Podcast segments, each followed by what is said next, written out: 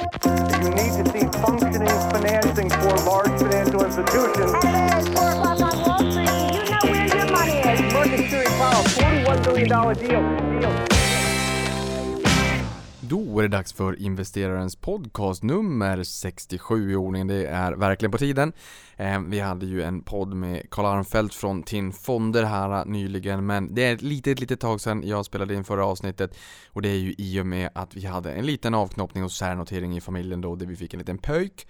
Så nu har jag en flicka och en pojke, ehm, så det har gjort att det har varit lite sömnlösa nätter. Jag sover ju ändå ingenting i vanliga fall, men nu har jag sovit ändå lite mindre så det har liksom inte riktigt funnits tiden, men nu är jag back on track.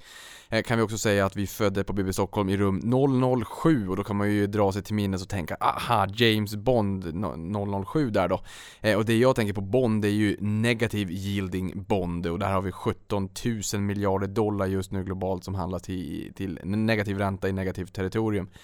Och det är runt en tredjedel av all utestående obligationsvolym i världen som har investment grade rating som handlas till negativ yield. Så det är rätt eh, Ja, det, det, är ett tecken i tiden. Någonting annat som var lite roligt också om man gillar siffror det är ju att stora syster kom, eh, föddes då i samma rum två år tidigare, 22.51 och lillebror föddes då 22.49.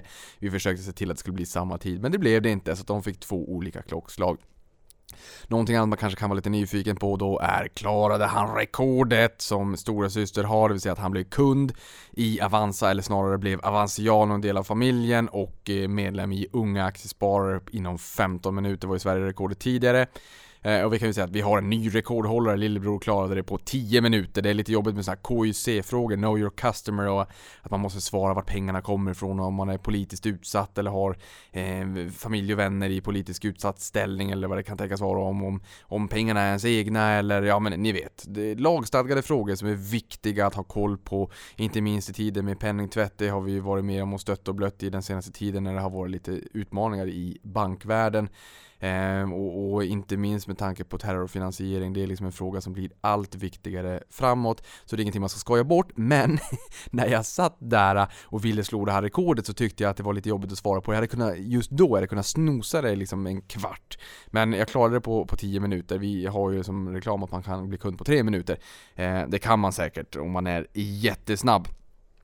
Någonting annat, det är ju i söndags så var det den 15 september och då kommer ju vissa av er då ihåg att det är ju årsdagen för Lehman Brothers kollaps. Och det är klart att det här är inte kanske lika relevant och intressant nu för det är ju inte igår riktigt. Det, här, det var ju 2008 som Lehman föll och 2007 som, som nedgången då började. Men en reflektion är ju att tiden går väldigt fort. Det är inte, det är inte igår det här skedde men det är ju fortfarande så att vi pratar om effekterna av eh, finanskrisen och, och den härdsmältan vi faktiskt fick. Och vi har ju sett här ECB också, den europeiska centralbanken med Mario Draghi i spetsen och Draghis bazooka som man pratade om för några år sedan. När han sa att han skulle göra vad som krävdes och tro mig, det kommer att räcka sa han ju. Och nu kom han ju och levererade ytterligare stimulanser då på hans näst sista möte innan Christine Lagarde från IMF tar över rollen då som Ehm, som eh, rattar, rattade eh, av Europeiska centralbanken då, centralbankschef. Och, och, det här var ju någonting som marknaden förväntade sig att det skulle komma eh, ytterligare stimulanser. Eh, man sänkte ju räntan och man började med kvantitativa köp igen så att eh, man kan ju tycka liksom, jaha, ska vi dit igen? Hade vi inte botat patienten? Men, men eh, ja, uppenbarligen så har vi ju inte tagit oss, tagit oss ur sviterna då som vi satte oss i med, med den här tvärstoppen när vi körde in i, i bergväggen då för, ja nu blir det ju 12 år sedan då det började vika neråt. Och vi har ju även Federal Reserve som har fått sänka räntan och nu är det ju faktiskt besked även ikväll då. Så att i USA sitter man ju och väntar väntar på, eller ja, snarare hela världen, sitter man ju och väntar på Jerome Powell och Federal Reserve och ser hur, eh, hur de går framåt. Det är ju förväntat en räntesänkning. Eh, kan det komma mer? Kommer det mer? Kommer det innebära att man har vikit sig för Donald Trump som har varit stenhård och lite taskig kanske mot Federal Reserve som ska vara fristående från det politiska så att säga. Så det blir jättespännande och varför hela världen väntar på det? Ja, det är ju världens största kapitalmarknad, det är världens största ekonomi. Så att allting de gör får ju efterverkningar i resterande del av världen världen Har du liksom the greenback, alltså dollarn som är en eh, världsvaluta, ja då blir det ju ganska logiskt också att det är ju inte bara så att det är amerikanarna som sitter på sina dollar utan dollar är ju en handelsvaluta i rätt stora delar av världen, inte minst oljepriset. Oljan handlas i dollar, det är någonting som Ryssland, Kina kanske vill ändra på, ändra maktbalansen, maktstrukturen där. Eh, men det är ju fortfarande så att the greenback är eh, världsvalutan och det innebär ju att man också, om man inte vill låna i sin inhemska valuta i Egypten exempelvis, så kan kanske företagen lånar i dollar istället eh, på den internationella marknaden och då blir det ganska jobbigt om eh, den e-, egyptiska egna inhemska valutan försvagas väldigt mycket. Ja, du sitter ju fortfarande och har skulder i dollar, vilket innebär att försvagas din inhemska valuta så blir det väldigt jobbigt att sitta eh, med eh, valuta, eller lån snarare, i dollar. Dessutom om det är så att Federal Reserve höjer räntan, ja då blir det ju en dubbeleffekt kan man väl säga. Så att hela världen påverkas av Federal Reserve och det är ju faktiskt inte bara så att de bara kan titta på hur det ser ut hemma på hemmaplan, hur konjunkturen ser ut, hur sysselsättningen ser ut. Utan man måste ju även ta hänsyn till hur den globala konjunkturen ser ut. Och det är väl lite så kanske när man är den, eh, den ledande ekonomin att man måste ju ta hänsyn till resten av världen för att vår värld är integrerad. Som sagt, det, det var någonting som vi märkte 2008 och då kan man tycka att ja det visste vi väl innan. Ja det gjorde vi. Men det var extra tydligt eh, ur ett riskperspektiv när man inte visste liksom vilka som satt på, på vilka risker när man inte clearade alla affärer. Någonting annat Förra veckan så steg börsen för fjärde veckan i rad eh, och det var den näst största uppgången det här börsåret också. Eh, och då hade man stigit åtta sessioner i rad, alltså åtta eh, börsdagar i rad och sen så fick vi ju en nedgång på måndagen då efter Ehm, drönarattacken mot Saudiarabien och eh, oljeutvinningen där som är en, en, stor spelare globalt. Där slog man ju ut eh, hälften av landets oljeproduktion och det står för 5% av hela output, alltså 5% av hela världsproduktionen eh, då. Så det där fick ju enorm påverkan på oljepriset. Vi hade både Brent och, och crude eh, och lite olika prissättning, lite olika kvalitet. Men där hade vi största introdagsspiken på, eh, ja, sen 1990 och, och eh, inledningen i Kuwaitkriget. Eh, och vi hade ett oljepris som steg nästan 20% och, och liksom, det, ja, det, det, tog marknaden ganska mycket på eh, sängen. Nu hade vi ju, det här hände ju på lördagen så att säga, så att man hade kunnat ana att ja, men det här kommer få rätt stor, eh, stor åverkan.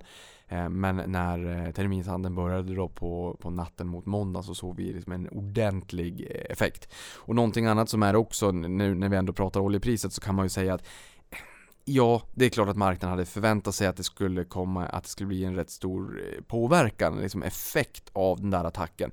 Eh, men läser man internationell media så förstår man ju också att det kan vara så att vi faktiskt får se en ökad riskpremie going forward på oljepriset. Därför att vi nu då också ser att eh, distributionsledet, alltså distributionskedjan inom oljeindustrin är lite mer sårbar än vad man kanske hade kunnat ana tidigare. Här har man ju rätt stor eh, försvarsmekanism eh, liksom i tre ringar av försvar från markanfall. Och sen så hade man även eh, försvar för flygattacker. Men just drönare här, det verkar vara en, en vit fläck och Eh, man skyller väl lite grann på Iran och där kan ju marknaden, eh, man, man förstår ju upp det mesta. Sen har jag ingen aning om hur, hur pass stort det här det kan vara jätteallvarligt. Men marknaden blir ju lite nervös och orolig. Vad händer om det är så att Saudiarabien, USA, eh, kanske attackerar Iran eh, och att det blossar upp till en ökade geopolitiska spänningar eller kanske till och med att det utbryter någon form av väpnad konflikt. Eh, då, eh, det hade ju inte varit bra och det är ju också någonting som hade mm, fått oljepriset att stiga ännu mera. Så vi såg ju oljebolagen här i måndags, de eh, steg ganska ordentligt och det är klart att man har ju en kostnad alltså för att ta upp oljan ur marken. Man har oljereserver man sitter på och sen så har man en kostnad för att ta upp oljan ur marken och sen har man ju kostnader liksom med personal och maskiner och allt vad det kan tänkas vara mm, för, för att driva själva rörelsen. Men eh, när det, där är liksom, när det där är betalt, om oljepriset stiger på marginalen, då är det rätt stor del av det här ökade oljepriset som droppar ner till sista raden så att du får en, en ordentlig hävstång och det var därför vi såg många av oljebolagen gå upp väldigt mycket, 8, 9, 10, 11, 12, 15 procent. Eh, och vi har ju också Lundin Petroleum på börsen som kan utvinna olja väldigt billigt. I bjär kontrast till eh, oljan inom fracking i USA som inte alls utvinns lika billigt. Det är ju en marginalutvinning som är ganska dyr, som har ett ganska högt oljepris som break-even nivå. Och det här tyckte jag var intressant. Jag läste en artikel i Bloomberg som sa att eh, 70% av tillväxten i oljeproduktionen det senaste årtiondet består av sån här shale gas eller frackingolja så att säga. Både olja och gas kommer från, från samma eh, operationer, samma utvinning. Eh, men att så pass mycket, så pass stor del av tillväxten i oljan, men vi ska också veta att USA har gått från nettoimportör till nettoexportör och det har ändrat om maktbalansen. Eh, ändå består av den här frackingoljan och att det är en eh, marginalbusiness som är beroende av låga räntor. Ett lågt pris på pengar. Och ett högt oljepris förvisso också. Så att det är en rätt stor del av tillväxten i oljan det senaste årtiondet som är ganska känsligt för vart räntan och vart oljepriset tar vägen. Och sen kommer ju självklart också den här attacken att påverka eh, på något sätt måste du ju få återverkningar på hur marknaden ser på Saudi Aramco eh, mm, eller Aramco heter det Saudiarabiens oljebolag här som ska börsnoteras Um, och det blir väl en av världens största, om inte världens största börsintroduktion då så att säga. Men jag skulle kunna tänka mig att investerarna kliar sina grov lite grann och vill veta lite mera om hur man försvarar sig mot den här typen av så sårbarheter going forward. Att man kanske har tyckt att man har haft state of the art eh, säkerhet men att uppenbarligen så har det funnits sårbarheter. Sen steg ju oljepriset väldigt mycket också för att man menade på att det här kommer kunna ta månader att återställa det här. Alltså halva produktionen är nere, 5% av eh, den globala outputen. Men där går, gick USA ut väldigt snabbt och, eh, och stöttade upp Saudiarabien och sa att vi kommer att släppa på eh, våra eh, olja från våra strategiska reserver. Vilket innebär att vi kan överbrygga det här på samma sätt som att man överbryggar ett frånträde, ett tillträde i en bostadsaffär med ett brygglån. Eh, så där ser man ju också vikten av Eh, ja, men jag tycker att det är lite intressant alltså när det händer en sån här grej och liksom det, är, det är väldigt allvarliga, en väldigt allvarlig händelse, det är mycket stor politik, det är mycket makt i det hela och att man ser att man sitter på de här strategiska oljelagren och att man, man drar i ett snöre här borta för att någonstans dämpa en effekt, effekt lite längre här borta så att säga. Eh, jag gillar det politiska spelet, alltså ju, ju, längre tid vi är på börsen desto mer av sådana här händelser som sker, desto mer lär man sig ju. Jag tror faktiskt inte att de som inte handlar med olja och de som inte är intresserade av råvaror i allmänhet och olja i synnerhet eh, jag tror inte de känner till vilka länder kanske som ingår i, i OPEC som är liksom en av världens största, om inte världens största lagliga kartell. Um, det är liksom oil producing exporting countries, där de sitter med och försöker, eh, försöker ehm, eh, pegga liksom, produktionen för att någonstans eh, styra oljepriset och sådär och Ryssland som en liten joker i det hela och eh, jag har inte jättekoll på det heller, men jag tycker att det är väldigt intressant. Ehm, så att jag har följt den här händelseutvecklingen med, med spänning helt enkelt. Sen kan vi också säga så att börsen har ju, som jag sa, största uppgången på börsen på fyra veckor, åtta handelssessioner i rad med uppgång innan eh, drönarattacken mot Saudiarabien. Då fick börsen att vika ner på måndag lite grann. Eh, men det är inte jättelänge sedan vi hade den här inverterade yieldkurvan eller räntekurvan i USA och det börsen bottnade ehm, dagen efter den inverterade yieldkurvan och där sa man liksom att det här är en vattentät recessionsindikator. Eh, samtidigt som man också menade på att ja, det kanske det är. Eh, och det kanske det har varit de senaste 50 åren.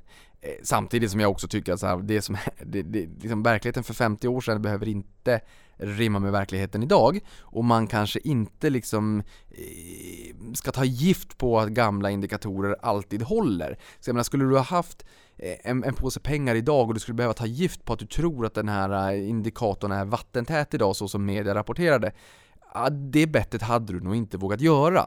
Eh, samtidigt menar man på att det har kunnat eh, gå ett, ett och ett halvår till efter en sån här recessionsindikator till dess att börsen har toppat och att om man hoppar ut när yieldkurvan inverterar, alltså att den tioåriga statspappersräntan i USA var lägre än den tvååriga, eh, ja då har man tappat ganska mycket avkastning jag vill inte säga I told you so, eh, det gjorde jag i och för sig för, för några poddar sedan och jag hade lika gärna kunnat sitta med skägget i brevlådan. Men jag tycker att det för småsparare är alldeles för svårt att försöka utröna liksom att nej, men nu står det med det att man ska eh, att man ska hoppa av börsen och nu kommer en recession och det har vi haft fem gånger sedan 77. Det har inte heller stått så mycket tycker jag. Det är alltså inte jättevanligt. Eh, det är kanske då man ska köpa aktier, ja men ni vet det här tugget som jag har haft och alltid kommer att ha. Eh, men det är svårt att liksom, det är svårt att frontrunna marknaden. Jag menar, de smartaste hjärnorna där ute har redan koll på det här. Jag menar, vi får andra eller tredjehandsinformation när det här kommer ut. Det är bättre liksom att inte försöka rida på de här eh, indikatorerna som kommer och hoppar från tuva till tuva utan snarare så här, okej okay, men det är så här det ser ut och hur kan jag vända det till min fördel och hur kan jag se till att gå som en vinnare ur eh, den här eh, det här scenariot som är på börsen. Eh, och där bottnade vi ju i mitten på augusti och nu är vi ju upp, alltså fram till i söndags då så var vi upp 12,7% på börsen. Vi hade vår första korrektion från 25 april till 3 juni. Där vände det. Sommarbörsen gav 4,5% trots den inverterade yieldkurvan. Eh, september låg eh, här i början på veckan också på 4,5% lite roligt. Vilket är kul därför att september månad har varit den sämsta börsmånaden sedan 1990 med nedgång på 1,96%. Nu är vi upp 4,5%. Det var en bedrövlig september i fjol i och för sig. Så vi kanske får tillbaka lite grann nu då. Men just det här att ingen, ingen regel utan undantag och de människorna som tyckte så här, okej okay, visst, det kan bli en recession på börsen och det kommer förmodligen skapa köplägen och jag är långsiktig. Så att jag fortsätter antingen att köpa mer eh, eller så kanske jag pytsar in mer pengar i och med att börsen gick ner där lite grann. Eh, och, det, och det vart lite eh, oro i marknaden. Ja, det vart ju en jättebra affär. Eh, Sen, som, som, ni vet, det är inte sagt att det blir en jättebra affär i det korta perspektivet, men för den som är långsiktig, eh, det är allt som oftast det, faktiskt. Eh, sen ser vi ju också att eh, vi har fått en sektorrotation på börsen för att eh, för inte allt för länge sedan och när man också började prata konjunktur, även recessionen, recessionsindikatorn inverterade yieldkurvan, då vart det liksom rotation mot det, det mera defensiva. Eh, och att då fick man liksom eh, se de här aktierna som har haft cykliska, de har fått åka liksom, de fick en släng av sleven. Men, eh, men nu är de tillbaka på topp igen. Jag menar senaste månaden så är det SSAB som är upp mest i OMXS30 med 32%, Boliden 29%, Autoliv 23%. Ehm, och de defensiva har inte alls gått lika bra så att vi har ju sett en rotation från defensivt till cykliskt återigen. Och vi har ju en 25% åtminstone av OMXS30 som är cykliskt. Så att det indexet är ju lite mer sårbart också för konjunkturen i och med att de här bolagen tar lite mer stryk när det blir konjunkturoro helt enkelt. Ehm, så att återigen, man tror på konjunkturen och det är cykliskt som, eh, som landar i främsta rummet. Någonting annat sen jag blev pappa här igen då som jag har hunnit fundera lite grann på Ehm, det är att eh, ja, men historiska krascher och nu när vi har längre data på Avanza, man kan fundera lite mer och sådär. Och då slog det mig att eh, IT-kraschen, det är inte alla som var med under IT-kraschen, jag var jätteliten då. Jag, jag har varit med i, eh, i, i, teorins värld och liksom försökte eh, lära mig väldigt mycket vad, hur, hur det gick till då, vilka miner man gick på, vilken kontext vi levde i. Eh, för att på något sätt tycker jag att man lär sig väldigt mycket i sura tider och var man inte med på plats då får man försöka ta med det teoretiskt även finansfastighetskrisen 92-93 och vad som hände där då. Men någonting som slår mig det är att eh, IT-kraschen kanske inte var så jobbig egentligen. Och då kan man ju tycka att det låter väldigt knäppt när jag säger det. Eh, men det jag tänker på är att då hade vi bedrövlig riskspridning. Det var Ericsson eller Telia eller en kombination av de två. Eller något litet obskyrt eh, bolag som inte tjänade pengar, där burn rate var viktigt och antalet användare och allt sådär. Och 2000 då hade 97% av svenska befolkningen använde gula sidorna också i telefonkatalogen. Eh, liksom den tjocka lunten telefonkatalogen om man vill ha en liten kuriosa. Det kan vara ganska kul att läsa en Iros årsredovisning därifrån och se hur världen såg ut då. Ehm, och jag menar, man kanske hade Framfab eller Colmedia Lab eller något av de andra liksom, bolagen som gick jätte, jättemycket uppåt. Men jag menar de bolagen har vi haft i nutid också. Jag tror inte att det är någon som exempelvis har missat Fingerprint som gick upp 267 gånger pengarna på väldigt kort tid. Sen kan man ju säga att vi hade en korrektion på 10% även 99, det året börsen gick upp 71%. Så att eh, det här med korrektionerna, det är ganska vanligt även om det är riktigt, riktigt bra börsår. Men, men när jag säger sådär, det blir nästan lite provocerande att säga att liksom det inte var så jobbigt. Det jag tänker på då, det är att det var förmodligen jobbigt för att man hade en väldigt hög sektorkoncentration och för att man hade väldigt dålig riskspridning. Ehm, och det, och, vilket innebär också att de som var med på den tiden, de som inte riktigt hade en fullgod riskspridning, ja men deras bild av IT-kraschen, det de kommer ihåg om jag ställer en fråga, ja men det är ju deras subjektiva upplevelse av börsen och vad som hände och att det gjorde kanske väldigt ont i portföljen och att man tycker att nej men det här med börsen, det är ju det här roulette-spelet, dit ska jag aldrig mer. Men tittar man liksom på fakta så kan man ju säga att Ericsson en, en nationalklenod. Vi hade Nokia i Finland som var deras nationalklenod. Eh, men där stod ju Ericsson för 48% av index. 1800 miljarder svenska kronor när det var på topp på, på liksom årshögsta, eller all time high till och med. Eh, idag är de ju en, en, en bråkdel av det, eh, av hur stora de var då. Eh, så där kan man ju fundera lite grann. Är det någon indexfond, eller är det någon Sverigefond som skulle ha kunnat replikera den eh, viktningen? 48%. Ja, en UCITS-fond, alltså en vanlig fond, får inte ha det. De får ha 10% vikter. Egentligen får de ha 5% vikt i varje enskild position. Men man får ha 10% vikter så länge de tillsammans inte utgör mer än 40% av hela fondens totala förmögenhet. Så att 40% av fondförmögenheten får utgöras av 10% stekar. Men då får de ju inte gå över 10% så det är jobbigt om man bara har fyra sådana positioner då. Sen har vi specialfonder där det får vara 50-50. Man får, inget innehav får gå över 50%. Då kan du ha två innehav. Men de får ju aldrig prissättas. För går en ner till 40, 49, 99 och en upp till, till 50 01, ja då bryter du mot reglerna så du måste ju ha fler innehav än två ändå. Eh, men där, jag vet inte hur gamla usage-reglerna är, men där hade du ju inte kunnat replikera den här eh, viktningen så, så som eh, OMXS30 har. Det är ju värdeviktat index. Så att bara där måste du ha haft en mindre nedgång än vad eh, IT-kraschen ger sken av. Eh, ni kommer ihåg det, ni kan rabbla i sömnen, men vi kan ju säga det ändå bara för att repetition är kunskapens moder och vi hade ju nedgång på 73% under 947 dagar då. IT-kraschen den 7 mars 2000 till 10 oktober 2002. Eh, och tittar man liksom på, ehm, eh, på kraschen som sådan och vilka bolag som tog mest stryk ja då var det ju verkligen en hög sektorkoncentration. Och där vet ni ju liksom, man ska ju sprida på riskerna i olika sektorer. Eh, på sätt och vis får man väl säga att eh, IT-kraschen är ett skolboksexempel på aktiespararnas 10-15 aktier i 5-6 olika branscher. För man hade en till två aktier kanske i en bransch. Kanske två man hade Telia, för de har ju faktiskt Telekom också. Det var inte deras fel att de kom in på 85 kronor 13 juni 2000. Det var, det, det var ehm, då hade ju börsen också varit, gått, gått ner en tid faktiskt. Eh, inte riktigt deras fel, även om man hade absurd marknadsföring för att folk skulle vara med på den här eh, IPOn. Men det får stå för dem. Den typen av reklam har vi inte nu för tiden. Min poäng är att om det då stod för 48% av index eh, och det är den här höga sektorkoncentrationen. Ja, men hur gick börsen i stort då? Jag menar, ta en likaviktning av börsen. Jag tog fram de där siffrorna senast idag, hur OMXS30 har gått på 3 och 5 år kontra en likaviktning av OMXS30 på 3 och 5 år kontra en likaviktning av OMXSPI eller 6PRX inklusive återinvesterad utdelning då, eh, senaste fem åren. Om man likaviktar alla bolag och ger alla bolag samma kärlek och tillägnar dem samma värde så att säga. Och det är en rätt stor skillnad där faktiskt.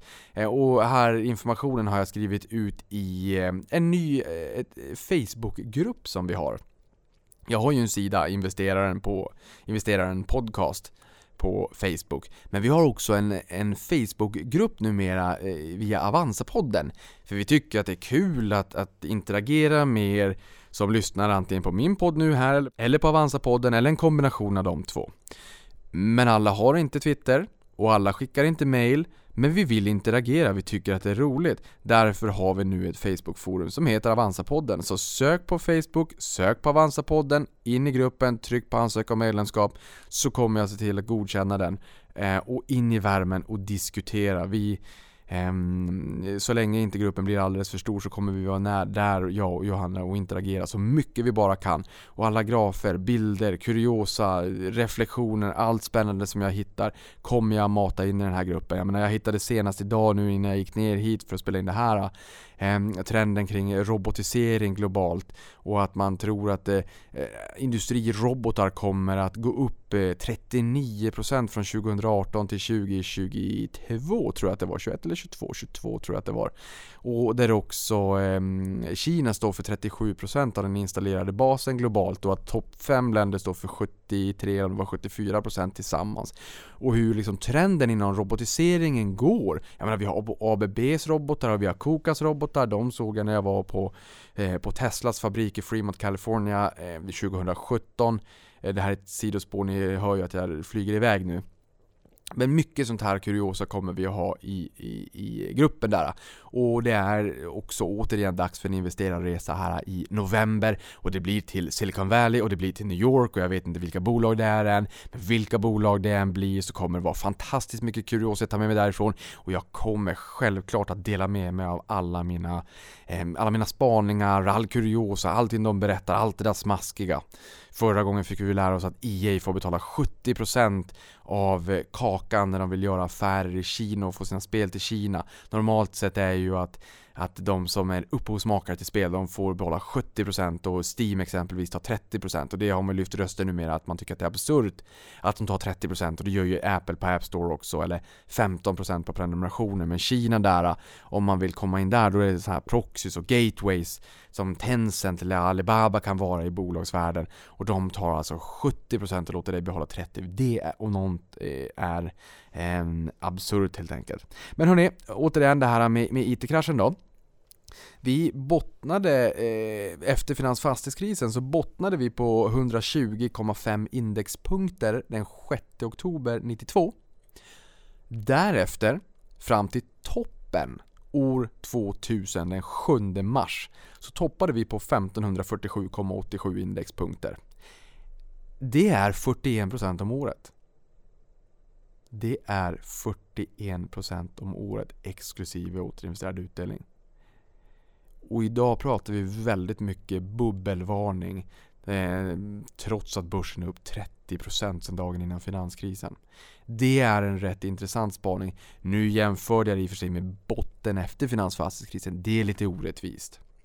Eh, men, eh, men det till trots Ehm, även fast vi justerar för eh, finans och fastighetskrisen liksom tillbaka till, till, till utgångsnivåer innan det så steg börsen ganska mycket under den här tiden och vi hade väldigt mycket högre inflation också. Så det här, det är liksom det, jag tycker ändå att det är med, värt att ha med det i åtanke att börsen har inte gått upp jättemycket de senaste åren. Ehm, men det är nu vi säger att det är mycket bubbeltendenser och jag vet inte riktigt vad jag tycker om det där. Eh, och eh, min, min takeaway här när jag säger att den här nedgången inte var så jobbig det jag liksom bygger upp det resonemanget med, det är att tittar man på large cap-bolagen så var det rätt många bolag som faktiskt kom med en rätt hygglig avkastning under den här perioden. Jag menar, finanskrisen, den får man liksom så här, om man nu ska justera kriser och, och eh, på något sätt ehm, eh, ursäkta dem. Ja men då var finans och fastighets, eller fastighetskrisen, eh, nej, finanskrisen. Eh, den var lite, lite grann ett unikum för det var en blixt från klar himmel. Det, så var det. det, det den tog oss alla på sängen. Eh, och då föll vi ner till P8. Den var brutal. Den slog brett. Eh, och den slog realekonomiskt och vi fick en recession. Det är en av fem gånger sedan 77. Vi fick ingen recession under IT-kraschen. Eh, tar vi istället IT-kraschen, då var det som sagt rätt många bolag som kom med en rätt hygglig avkastning. Några av dem är Elekta gick upp 158% och det här är inte inklusive återinvesterad utdelning. Swedish Match var upp 135, Axfood 98, Peab 94, Getinge 70, Wallenstam 69, Atrium Ljungberg 55, Nibe 50, Castellum 43, Kungsliden, eh, Kungsliden, Kungsleden 38, SCA 32, eh, Lundbergs 30, SKF 22, Fabege 14, SKF 14, Saab 13, Sweco 11. Ja nu namedroppar jag bara men det är inte så många kvar så det är väl lite roligt ändå. Trelleborg 9, Sweco 7, Handelsbanken 5, Clas Ohlson 114. Eh, nu hoppade jag upp igen till höga siffror men det är för att jag gick till midcap istället. Heba 61, Kabe 42, Fagerhult 37 och Skistar 29. Eh, så här såg det inte ut under, under finanskrisen, då var allt blodrött. Ehm, och jag menar, här under IT-kraschen, alltså det, det förvånar mig lite grann. Eh, och det, och det var lite grann som jag pratade med, med våran eh, VD också som har varit i branschen sedan 86 och sa ju det att under, under um, IT-euforin, ja men då var det väldigt mycket, mycket eget kapital och människor investerade pengar och det, du kunde gå in i ett möte och sen så när du kom ut i mötet så hade det här IT Tech haussade bolaget gått upp 100% eh, och visst att du fick en jättenedgång och en utradering av de här, en, liksom en syndaflod som, som svepte bort dina pengar som du hade tjänat. Papperspengar kanske man kan tycka. Jag tycker att man har tjänat pengar även om man inte har realiserat för är man långsiktig realiserar man kanske aldrig men man akklimatiserar sig till värdeökningen i portföljen vartefter portföljen ökar.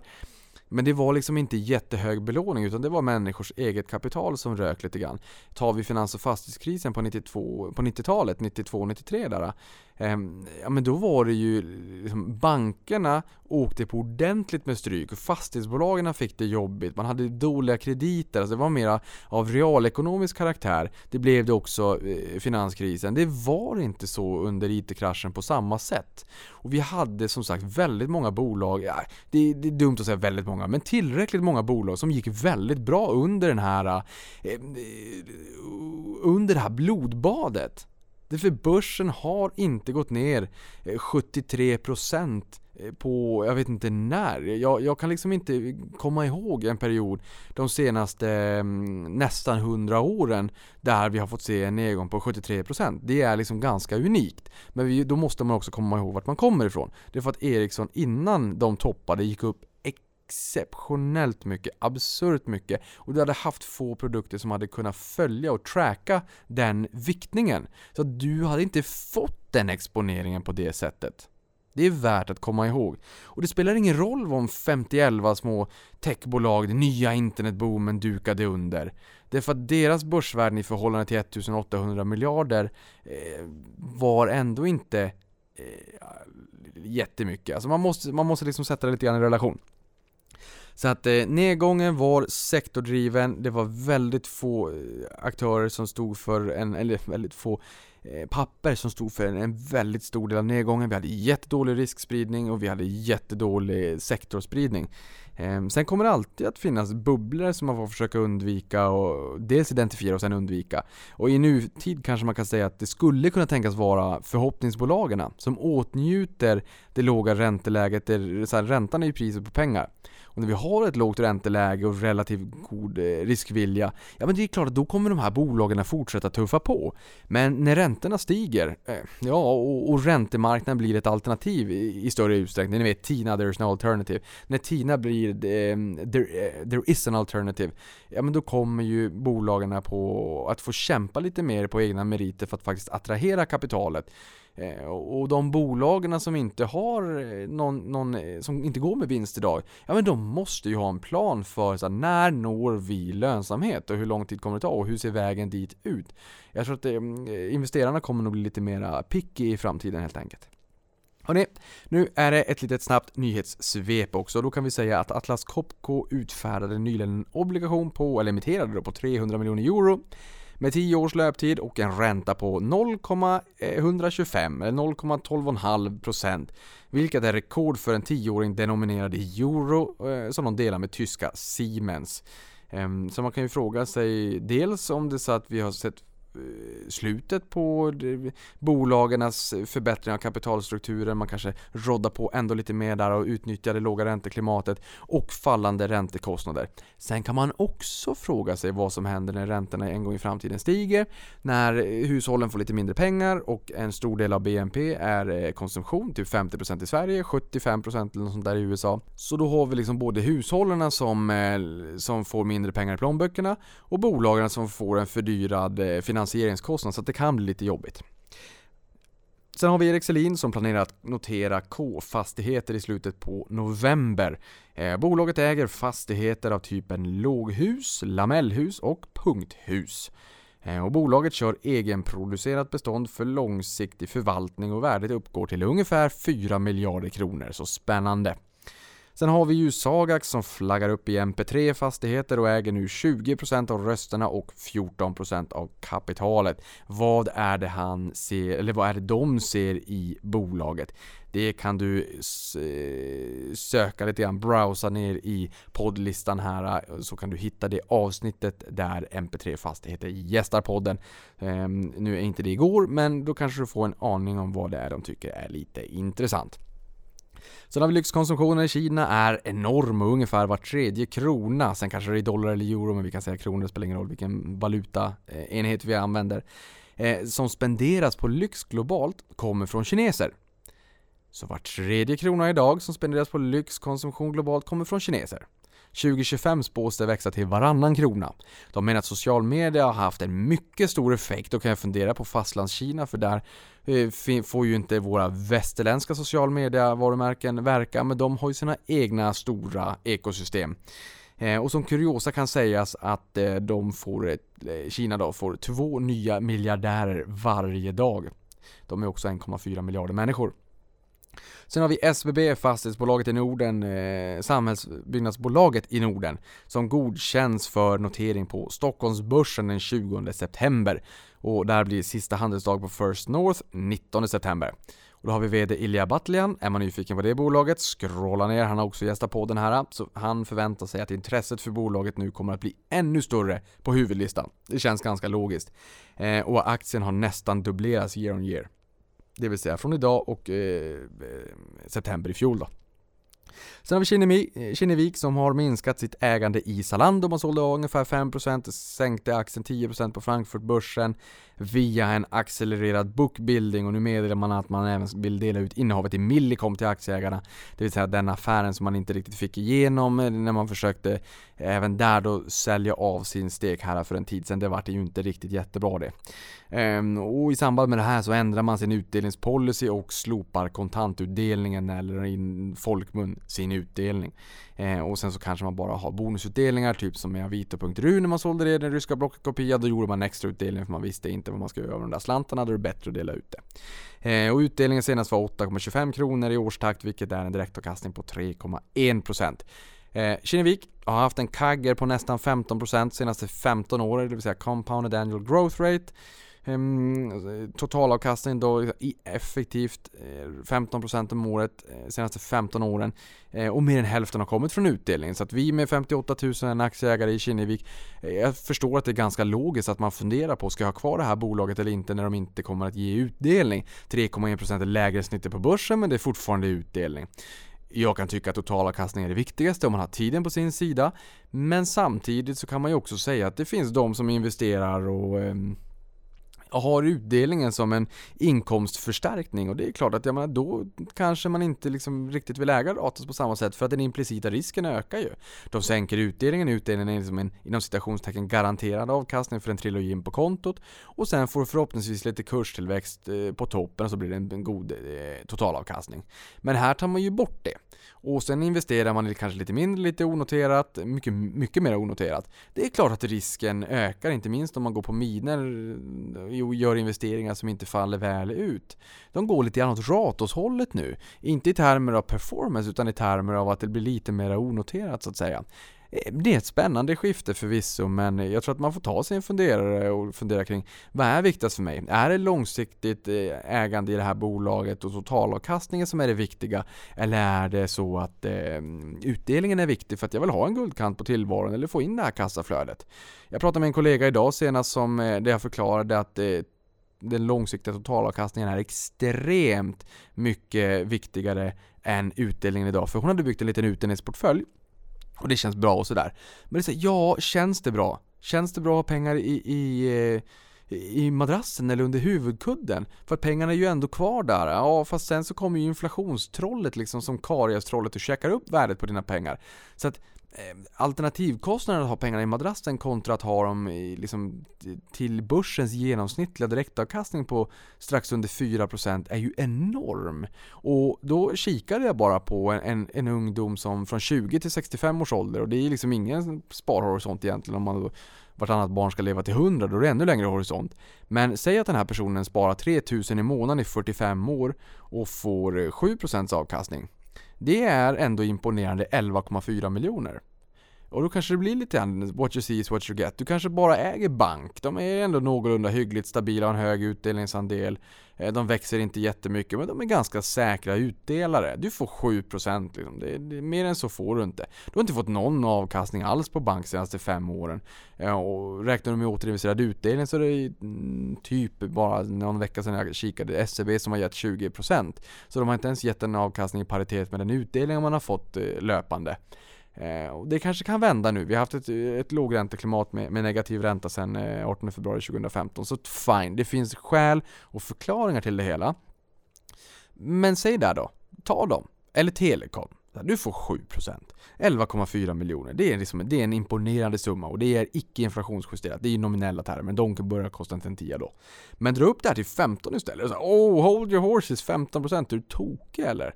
Ja, Investor har gett eh, nästan 15, 14,6% sedan 87 när jag föddes. Eh, Kinnevik sa jag där, gett, eh, jag tror det 14,9, det vill säga nästan 15. Eh, Latour har gett 23. De växer inte på träd, men det finns ju en sannolikhet att du i portföljen har en eller några aktier som kanske går väldigt bra och någon som drar tillbaka lite grann, men att snittet kan bli mer än de här trötta 7% som man alltid säger. För att har man 7% på börsen och vi har en direktavkastning på börsen på nästan 4, då är det en kurstillväxt varje år på grafen på 3%. Jag tror att det finns förutsättningar att hitta de bolagen som ändå så är lite mer sin egen lyckas med, som ändå eh, faktiskt kan generera lite bättre avkastning över tid. Sen kan man säga Investor, det är vår mest ägda svenska aktie på Avanzas plattform just nu. Um, de vill ju ha bolag som, som är världsledande i sin nisch men å andra sidan så är ju de flesta grundare liksom eh, 1850 kallt förutom i 1916 för att då fick man liksom inte ha en massa värdepapper på bankernas balansräkningar så att alla började starta investmentbolag. I och för sig industrivärden var väl 1944 tror jag. Men, men det är en dålig, liksom det som la grunden för varför man var tvungen att in, eh, investmentbolagifiera i mycket av tillgångarna som fanns hos bankerna. Där kan du scrolla bak till jättelångt bak i bloggrullen så jag har gjort ett, ett, ett helt temaavsnitt kring börsens investmentbolag om du är nyfiken på det. Men eh, liksom det, det, är, det är ganska många bolag som ändå har lyckats i den här raden, så här 11 till 15 säger vi. Låt mig ta 15% bara för att jag tycker att det är kul så vi get over with så att vi, jag får komma hem och du får eh, äta eller vad du ska göra efter att du har lyssnat på det här. Då går vi från 11,4 miljoner till 196. Det är liksom en extrem skillnad. En extrem skillnad. 15% om året fördubblar pengarna vart femte år. Det går väldigt fort då. Ehm, sen säger inte jag att eh, alla kommer ha 200 miljoner på kontot och det går inte heller att ha liksom någon riktig historik på det hela för 45 år sedan så gick det inte att spara på samma sätt som vad det gör idag. Och historisk avkastning är ingen garanti för framtida avkastning. Ehm, och, det, här, och det kan ju hur ska jag tolka det då? Ja, man kanske måste hitta lite mindre bolag som har en, en, eh, större del av sin tillväxtresa oskriven ännu. Man kanske inte kan ligga i storbolagen eh, som redan är stora idag och förvänta sig 15% om året. Det kanske kan vara lite utmanande. Man kanske kan ha en mix av det där. Min poäng är att det finns en, en stor risk med att bli bekväm och liksom känna så att nej men jag, jag tar, jag, jag nöjer mig med 7% om året. Det tycker jag är en jättebra eh, avkastning. Jag klipper bara kupongerna. Ja, men har du en lång sparhorisont så varje procentenhet är en oerhört stor eh, alternativkostnad helt enkelt. Allt annat lika och de orden eh, så får jag säga hej då och sen så hörs vi igen nästa vecka.